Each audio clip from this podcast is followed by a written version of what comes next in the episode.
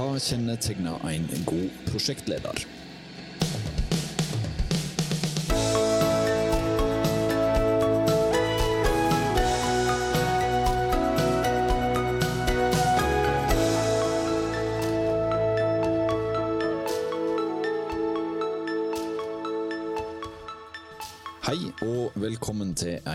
Episode av Byggeplassen. Jeg heter Frode Aga, og med meg som programleder her har jeg som vanlig Kristian Aarhus. I dag så skal vi snakke om det som ja, det er jo kjernen i byggenæringen, nemlig byggeprosjekter. Ja, for i ethvert byggeprosjekt så finnes det også en prosjektleder. Og i dag har vi fått med oss to erfarne og ikke minst prisvinnende prosjektledere som skal gi oss et innblikk i hva det som skal til for å lede et prosjekt på en god måte. Så i studio i dag har vi med oss Helge Opedal fra Veidekke. Og Øystein Sandnes fra Stemar rådgivning. velkommen til Byggeplassen. Ja, vi må jo bli kjent med dere, da. Kan ikke vi begynne med deg, Helge? Eh, hva, hvem er du? Jeg er eh, en eh, person som har jobba i Veidekke siden jeg ble ferdig på NTH i 1982-83. Jobba med prosjekter det meste av tiden. Vært 16 år som prosjektleder i Oslo. Prosjekt- og anleggsleder. De begrepene gikk litt i hverandre tidligere iallfall. Og så har jeg hatt de samme 16 år som leder på, på å si, mer generell ledelse i Veidekke, som distriktsleder for Oslo og som regiondirektør. Og så har jeg hatt de siste fire årene som prosjektleder uh, ulike steder i, i Veidekke. Nå er jeg i Oslo. Du valgte altså å gå fra en ledelse på et annet nivå og gå tilbake til prosjektledelse. Hva var det som var grunnen til det? da?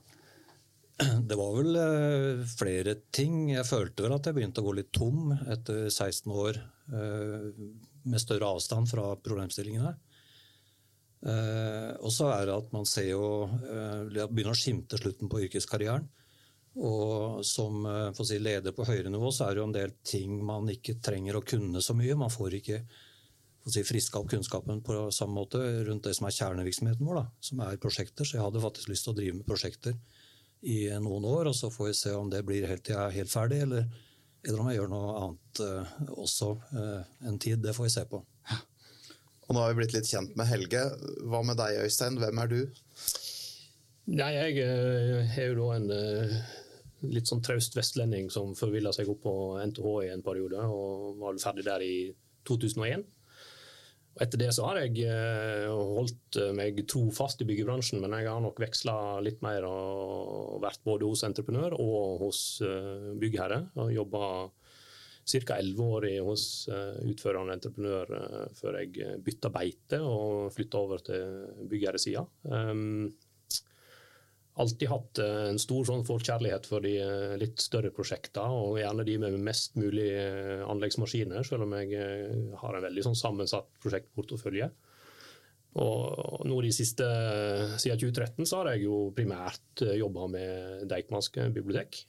Og så har jeg hatt et litt sånn roligere år, pusta ut litt. Og så nå er vi i gang med et nytt et litt større prosjekt, som er nye Tøyenbadet. Vi starta med å spørre hva kjennetegner et, en god prosjektleder. Hva er det som gjør det? Ja, for hvis jeg skal begynne, så det er i hvert fall det å klare å bygge et godt team. Som regel så gjør man ikke den jobben alene. Og man må ha med seg gode folk og få dette til å spille sammen som et bra team. Så jeg tror hvis man får til det, så har man fått til veldig mye. Uh, og så må man jo sørge for at dette fortsetter å være et godt team. Så det krever jo en del av måten man håndterer det på videre i teamet. Uh, og så må man være i stand til å skape tillit, skape tydelige mål og ikke minst også være tydelig på verdier. Også i prosjekt. Det er jo viktig i en bedrift, men også i prosjekt er det tydelig, er tydelig hva man står for. Ja, har du noen ting å tilføye der, Øystein? Nei, I utgangspunktet er jeg veldig enig med det Helge uttaler. Altså, I mitt hode er jeg jo på en måte en prosjektleder Skal du være prosjektleder, så krever det at du har en ganske god sånn, helhetsforståelse for det du skal levere. Du trenger ikke være ekspert på noe som helst, men du må kunne litt om alt. Men, Og så handler det om å, å spille en hel organisasjon god, bygge en organisasjon som fungerer. Eh, god kommunikasjon, tydelig kommunikasjon, og det å klare å engasjere og være tilgjengelig for, de, for den organisasjonen du har rundt deg. For du, du, klarer aldri å drive et prosjekt alene. Eh, da er det i hvert fall veldig lite, i tilfelle. Men du var mange år på Deichman. Mm. Nesten ti år? Ja, sju-åtte år. Sju, år. Ja. Hvilke utfordringer er det deg som prosjektleder? Det samme teamet så lenge, eller er det utskiftinger underveis? Nei, altså Det er utskiftinger underveis. Eh, og så er det på en måte et så stort prosjekt som går over så lang tid, går òg i noen faser. Mm. Eh, og så er det noen eh, er veldig godt rigga for en eh, detaljprosjekteringsfase, andre er godt rigga for en gjennomføringsfase. Noen er veldig gode på grunnarbeid og, og, og, og, råbygg, mens andre er bedre på innvendige og tekniske fag. Så det er selvfølgelig en, alltid en sånn utskiftning og en rullering å finne de beste ressursene til den jobben du skal utføre til enhver tid. Eh, så det er jo liksom litt sånn løpende, det å, å, sette en organisasjon og si at denne kjører vi fra A til Å, det er, jeg, eh, er ikke jeg noen sånn tilhenger av. For jeg er på jakt etter å finne de riktige ressursene hele veien. utgangspunktet. Mm. Vi nevnte ordet prisvinnende her i starten. Det de har begge vært med på prosjekt som har vunnet pris. Vi kan begynne med, med den som du vant, Helge. Eller ikke bare du, hele prosjektet vant den. Årets bygg, og for så vidt òg årets trebyggeri samme år. 2019. og Det var Finansparken i Stavanger. Hva var det som gjorde at eh, det ble et prisvinnende prosjekt? Jeg oppfatter det iallfall ikke som en pris til prosjektleder, men eh, som du sa sjøl også. Men eh, det var Jeg tror vi må legge mye av æren, eller veldig mye av æren på både arkitekten og byggherren. Fordi, byggherren fordi de hadde de ambisjonene de hadde. Eh, og arkitekten fordi eh, de hadde gjort et veldig flott eh, prosjekt, altså arkitekturmessig. Noe som si, var genialt på, på, veldig mange måter. Så når noen dekker bordet på en god måte før du setter det til bord, ja. så blir det et bedre prosjekt å lede? Ja. ja. Og så var det bruken av tre, som var veldig nyskapende. Og så tror jeg vi får ta mye æren for måten vi gjennomførte det på. Og ikke minst den kvaliteten vi leverte det til. Da. Eh, både teknisk og bygningsmessig. Eh, veldig høy kvalitet og veldig gjennomført. Så alle de tingene spiller sammen. Og et selskap som kanskje var mest kjent for betong, Blokk Bergebygg, som bygger et prisvinnende trebygg, det er jo også spesielt. Ja, det, det, var det. Så det var jo en veldig spennende utfordring for Blokk Bergebygg, som eh, starta prosjektet. Og så skjedde det noen organisasjonsmessige endringer i Veidekke som gjorde at det var Veidekkes navn dette ble fullført i. Mm. Mens Blokk Bergebygg fortsatte som element, elementleverandør. Mm. Ja. Og eh, pris eh, Den som tok over på en måte stafettpinnen, det var du, det. Og Deichman. Året etter så fikk du Årets bygg på Byggegallaen. Det var jo heller ikke du alene som fikk den prisen. Men, men, på ingen måte. men der òg, hva er det som kjennetegner Eller hva er det som grunnen til at det ender opp som prisvinner der, da? altså Det er jo mange eh, tilfeldigheter der, men det er litt sånn som Helge er inne på, at det, det er grunnlaget du starter med, og det designet og konseptet som ligger der, er jo, er jo litt det å få bakoversveis av i utgangspunktet. Eh, og så eh, og så er det jo det å foredle den, den varen, da, som jeg føler at vi gjorde på en veldig god måte. Både i samspill mellom byggherren og entreprenørene, og at vi klarte å på en måte og, prosjektere den hele veien. At vi klarte liksom å makse ut eh, leveransene hele veien. Eh, og så er det jo et eh, meget spektakulært bygg, rett og slett. Det er jo et arkitektonisk eh, perle, sånn sett. Og, og, det er jo en eh, I mitt hode så er det jo en wow-effekt når du går inn i det bygget, og det gir deg jo egentlig nye opplevelser hver gang du går inn der, for det er alltid en krok du ikke har vært inne i. for å si det sånn. Jeg satt i lesekroken der nå for et par uker siden, ja. Eh, oppe i en av eh, ja. etasjene der, og jeg fikk en liten sånn wow-opplevelse. Ja. Og det gjorde sjuåringen òg. Ja. jeg tror det var like kjekt for han. Eh, men, men, så, men, det er noen utfordringer òg, da. Og i starten av det prosjektet så var det mye bråk. Eh, eller i hvert fall støy. sånn så i, i, Du kunne lese litt i media da, om ja. både grunnforhold og litt mm. Eh, kostnader som sprekker. og sånn. Mm. Hvordan påvirker det et prosjekt?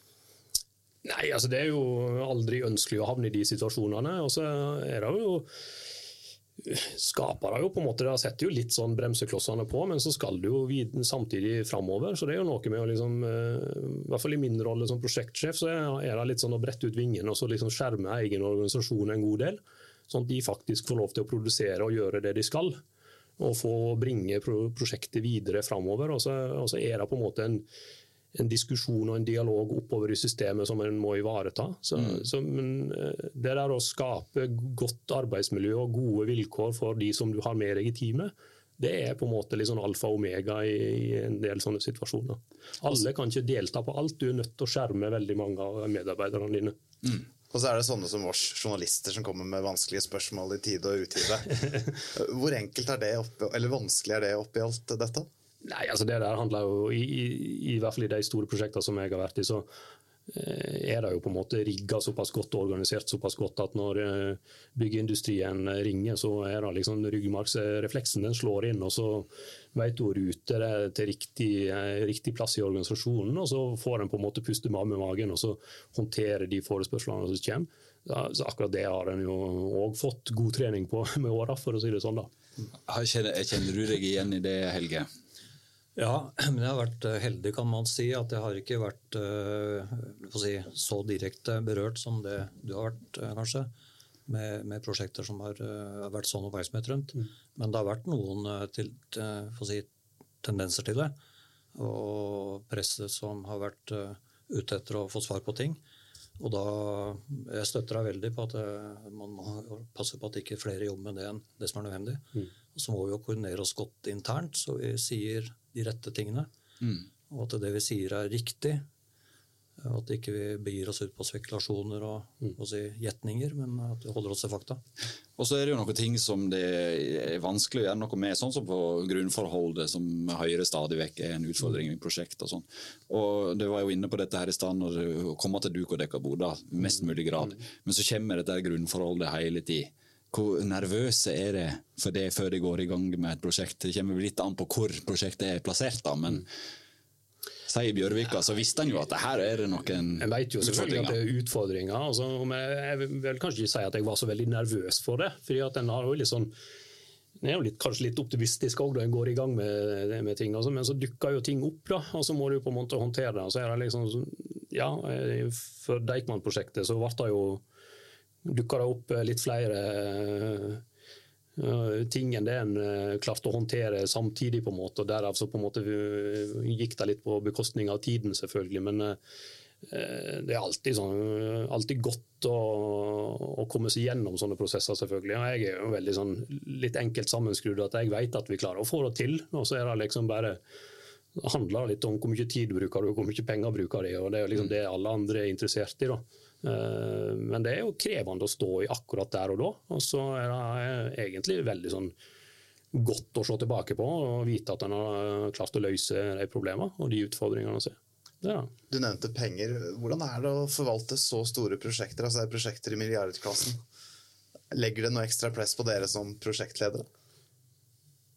Ja, du kan jo gjør jo for så vidt det, men så det jo, eh, handler det jo om å på en måte skaffe seg et godt oversikt over hele prosjektet. Og på en måte ha den helhetsforståelsen. Og så er det jo i bunn og grunn det vi driver på med, er jo å forvalte usikkerhet og risiko. Og så, og så er det veldig Én ting er at en sitter her som prosjektleder, men en sitter jo òg og på en måte rapporterer til en prosjektdirektør og videre oppover i systemet. og og på en måte eh, hele tida drive den forventningsavklaringen og på en måte eh, gi de drypp av informasjon, sånn at de hele tida er oppdatert, er veldig viktig. har jeg i hvert fall lært meg i, i de prosjektene jeg har vært. At eh, det som kommer som overraskelser oppover i systemet, det er ofte mer krevende enn det du har klart å, å, å informere tidlig om. Da. Mm. Og Så blir dette her, gjerne politiske saker helt øverst. Mm. Men opplever du at politikerne er interessert? Før det begynner Ja. å bli bråk?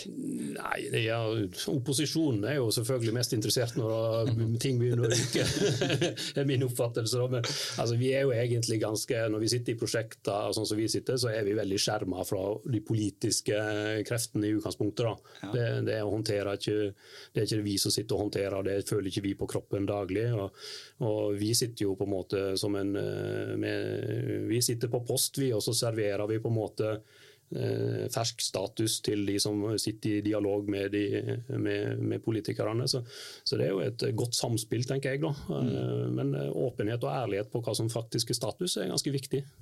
Men er det noen forhold, forskjell om, om byggherren er offentlig eller privat? Oppmerksomheten fra omverdenen er jo større hvis det er offentlig. Men eh, jeg kjenner jo et stort ansvar for det jeg har ansvaret for. da. At eh, det påvirker jo resultatet til, eh, til Veidekke. Mm. Noen ganger kan det være sånn at du merker det hvis det går galt eller går veldig bra. Så det, det der er virkelig noe man, og jeg iallfall, tar på alvor. Og det gjør helt sikkert alle. Men eh, man går jo ikke og tenker på det til daglig. Så, så, så det er ikke noe som ligger i hodet som en sånn plagsom mørk sky hele tiden. Det er det ikke. Nei. Men hva går du og tenker på til daglig, da? Hva tenker en eh, prosjektleder på? Uh, ja, man, man tenker på uh, Det er jo veldig mye å gå på framdrift. Enten det er på beslutninger, prosjektering eller fysisk framdrift. For det dreier seg jo e- egentlig om, om det. Du har et visst antall dager tilgjengelig for å gjennomføre prosjektet. Så det blir uh, veldig si, dominerende i tankegangen. og det kan jo stjele plass for andre ting også, som kanskje også er vel så viktig. Men, eh, men det er veldig mye framdrift. Også selvfølgelig økonomi eh, også. Men eh, økonomi er ofte en eh, funksjon av framdrift, det også. Så framdrift er viktig. Og så er det på to sider av bordet her, eh, byggherre og entreprenør. og tenker Det på, det er jo et samspill mellom dere som er veldig viktig i et prosjekt. Tenker dere likt? Ja, det gjør vi. Eh, Jeg er også veldig opptatt av framdrift, for jeg vet at den tiden den, eh, den koster penger. Eh, Og, og spesielt til større prosjekter er, og kanskje til mer sammensatte de er på kontraktsida, så, så vil på måte vil på en måte konsekvensene bli ganske enorme.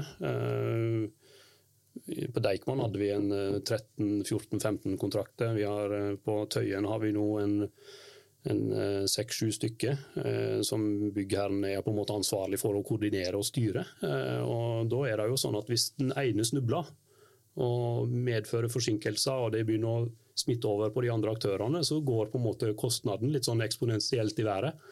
Eh, Så, det å alltid ha et fokus på å eh, få framdrift, ha vind i segla og ha tatt ut riktig kurs, det er ganske viktig og essensielt for å lykkes. Du er jo litt inne på det her med ulike kontraktsformer og hvordan prosjektet er bygd opp på. Og Det også påvirker jo dere i aller høyeste grad, tror jeg. En da, med totalentrepriser, og så hører vi om totalentrepriser med samspill, og hva er det det foretrekker? Nei, hva er det Det foretrekker? Det Altså, jeg tenker jo at, eh, altså, det er jo ikke noe fasitsvar på hvilket kontraktsmodell du skal ha, men du må på en måte vurdere kontraktsmodell ut ifra et, et hvert prosjekt. Et hvert prosjekt er unikt.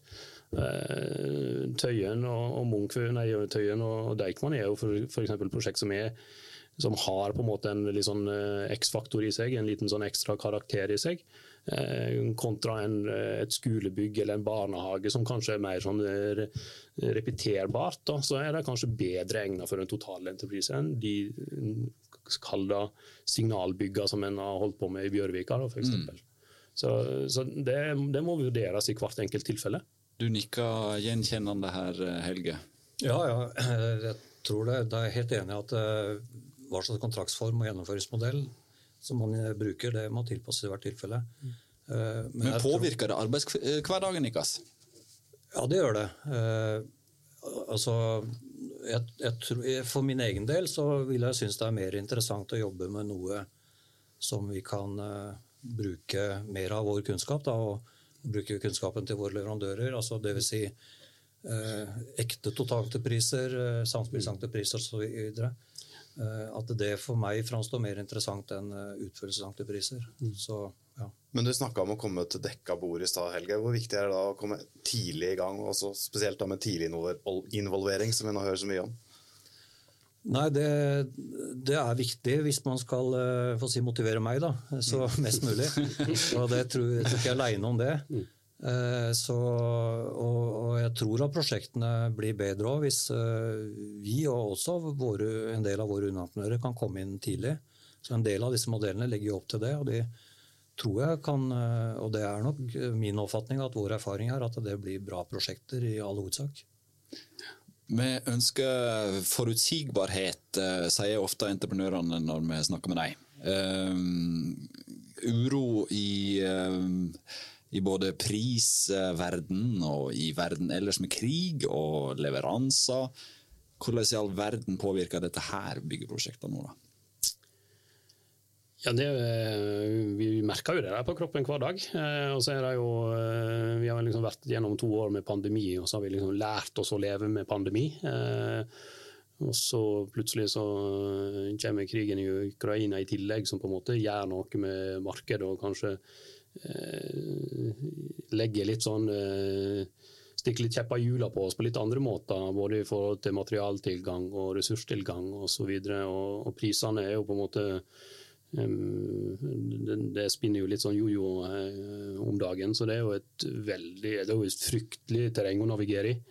Eh, og, så, og vi, ser jo, vi, ser jo, det, vi mottar jo våre nøytrale varsler fra, fra, entreprenørene, og så må vi på en måte pent og pyntelig svare formelt tilbake at vi må på en måte ta stilling til det når vi får en konkretisering av det. Mm. Men at det her er utfordrende for bransjen, at det kommer til å at det er noen som kommer til å knekke ryggen på den, eh, på den eh, veien vi er på vei inn i nå, det er jeg ganske overbevist om, dessverre. Mm.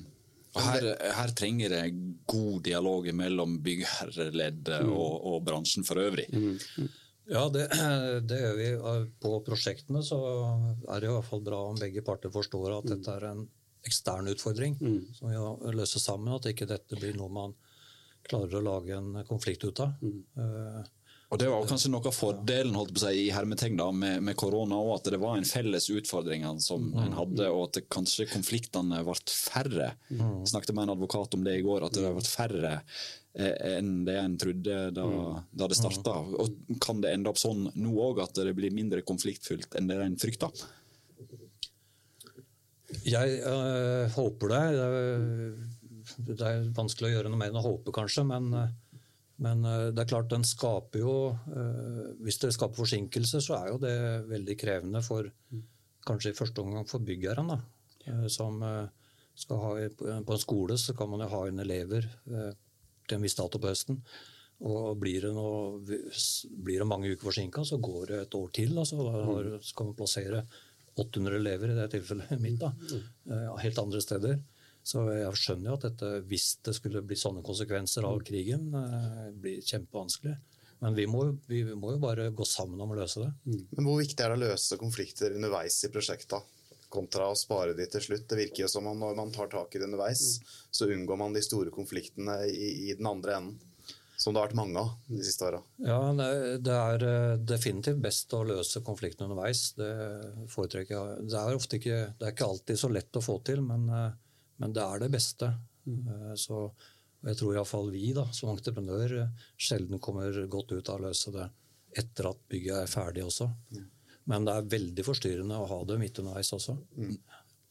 Rel, rel, ja, jeg er helt enig. Ja, det der å på en måte rydde bordet litt innimellom og på en måte få lagt ting bak seg som eh, det bidrar jo til at en klarer å jobbe bedre sammen og får mer riktig retning på ting. fordi at ligger det for mye på bordet, så blir det på en måte en liten sånn Det, det hemmer deg litt. For at du må hele tida passe på å gjøre ting på en sånn måte at, de, at du ikke taper den mm. potten som ligger på bordet. Mm. Og Det blir en sånn ekstra stressmoment i, i, i begge organisasjoner, som, mm. som, som, eh, som, jeg mener det er en stor verdi å rydde vekk tidlig. Mm. Og så handler dette her om personkjemi, hører vi òg ofte om. Mm. Eh, hvor ofte er det går skeis pga. dårlig kjemi mellom mennesker i et prosjekt? Nei, altså Der har en jo på en måte Det skjer jo. Og så tenker jeg at det jo et eh, kan jo være like krevende. Eh, Du kan ha eh, samme type utfordringer internt i din egen organisasjon som eksternt mot prosjekterende og, og, og, og entreprenører.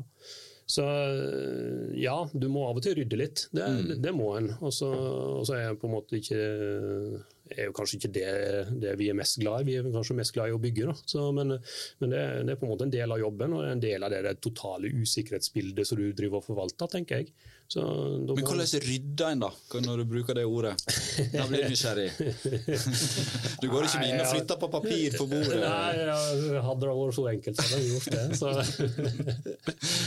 Nei, det er jo ikke noe fasitsvar på det. da. Men eh, jeg tenker jo internt hos eh, hvordan en forvalter jeg ting internt, det kan jeg jo kanskje holde for meg sjøl. Men i forhold til entreprenører, ofte så, så går en jo faktisk litt i dialog på et litt overordna nivå. da, og så Prøve å, å, å lufte ut litt og prøve å finne ut hvordan vi kan kan på en måte tilpasse organisasjonen, rett og slett. Da. Eh, Og, og bildet er ofte veldig likt, og en har jo ofte ganske lik oppfattelse av hvordan ting er. Eh, Så, så en må bare skritte ut i det og ta, ta oppgaven. Kjenner du det igjen, Helge? Ja da, jeg har jo opplevd eh, både fra avstand og nært eh, tilfeller av sånne eh, konflikter. Både internt og eksternt kan jo det opptre, som du sier. Så jeg kjenner meg igjen i det. Hvor viktig er det å løse sånne konflikter litt ned i kjedene? Jeg var på et stort prosjekt nylig hvor de, de gjorde et poeng ut av å ikke ha prosjektlederen på kopi helt i starten av dialogen, for de vil gjerne løse nede i kjeden og så nærme byggeplass som mulig. Ja, rent prinsipielt så bør det være siktemål å løse det langt ned, men eh, jeg tror eh, ledelsen bør jo ganske raskt eh, enten få signal eller være såpass si, ute i felten at man skjønner at det er noe som ikke er bra. Så det bør ikke pågå lenge eh, før, før det gjøres noe mer. Da. Før vi setter strek, prosjektet jeg jobber med i dag. Helge, du jobber som prosjektleder på Voldsløkka skole. Når eh, er du i mål der, og kommer det til å gå Blir det, blir det et prisvinnende prosjekt? Det burde det bli, for det er et veldig flott prosjekt. Eh, Men eh, det, det Ja, vi har faktisk ikke tenkt så mye på det. Nå får vi se om vi melder det på til årets byggpris. For det er kjekt å vinne pris, det er ikke det? Ja, ja, kjempemoro. Så man blir jo nesten berømt. Så, Og du er på Tøyenbadet, Øystein. Ja. Eh, Sist gang du rehabiliterte Tøyenbadet, så ble det 10 cm for kort til at man kunne sette norgesrekorder der. Blir det Ja, nei, vi skal passe på det ble jeg, jeg har fått de historiene. Det var de første historiene jeg fikk når jeg eh, kom dit, så akkurat det skal vi passe på. Så, Du er ute med målbånd. ja. Men, men eh, når er det i mål der oppe, da? Nei, vi skal være ferdig eh, i eh, andre kvartal 24. Eh, Da skal bygget være ferdig. Og så er det nok eh, Åpning er nok ikke bestemt, og det handler litt om i igangkjøring av bygget, og at den, hele driftsorganisasjonen skal opp og, opp, og, opp og gå før det blir åpning. Da. Men eh, det er et par år igjen. par år igjen. Ja. Vi får uh, satse på at det er bare å hoppe i det når det står klart, eh, og at vi klarer å sette norgesrekorder. Jeg tror ikke jeg klarer det med min brystfømming, det skal jeg ærlig innrømme. hvis det er ti sammen for kort, da. Ja, da hjelper det. Da nærmer jeg meg. Vi er ikke prosjektledere her i Byggeplassen, men vi har programledere, og vi har en oppgave å holde oss innenfor noen tidsrammer, vi òg. Jeg gløtter bort på skjermen der den tikker inn på snart halvtimen. Og Det betyr at vi har nådd den der pendlerdistansen eh, som vi mener finnes der ute. Jeg tror den er på en ca. halvtime, så jeg håper at lytterne våre har hengt med oss hele veien og finner fram til der de skal. Eh, tusen takk, Helge Oppedal og eh, Øystein Sandnes, for at det kom hit i Byggeplassen. Neste gang så er vi tilbake med en ny episode med et helt nytt tema. Så får det bli et eget prosjekt.